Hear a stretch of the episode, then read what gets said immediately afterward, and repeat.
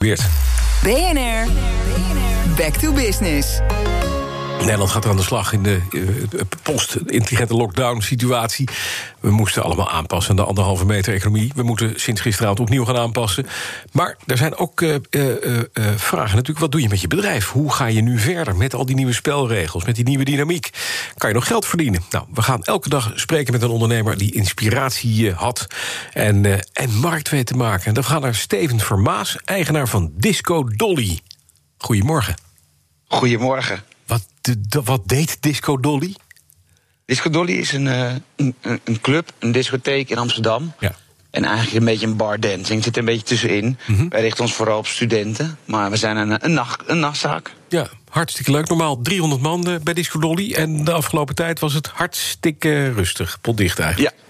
Ja, gemiddeld hebben we de afgelopen tijd nul man gehad. Ja. Uh, in maart, zoals iedereen, uh, kregen wij ook de klap te werken dat we van, uh, van 100% naar nul moesten gaan. Ja. Nou ja, goed, we waren geschrokken door alles wat er gebeurde. Daar stonden we natuurlijk volledig achter. Ja. En op het moment dat je dan dicht gaat, dan.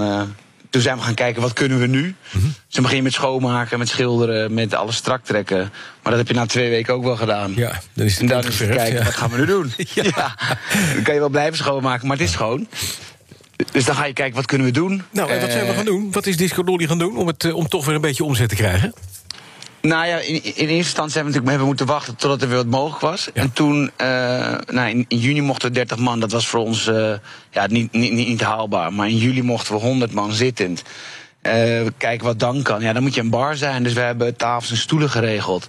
En zijn van een, een dansclub zijn we naar een, een, eigenlijk een soort zittende kroeg gegaan. Hm. Bar Dolly. Bar Dolly inderdaad, ja. Dus dat zijn we nu aan het doen. En uh, daar zijn we een beetje in zoeken. Want ja. je hebt natuurlijk nog steeds te maken met studenten. En je hebt nog steeds te maken met, met alcohol. Mm -hmm. Dus het begin gaat hartstikke goed. En later wordt het wat moeilijker. Ja. Is daar uh, omzet uit te halen? gaat het goed.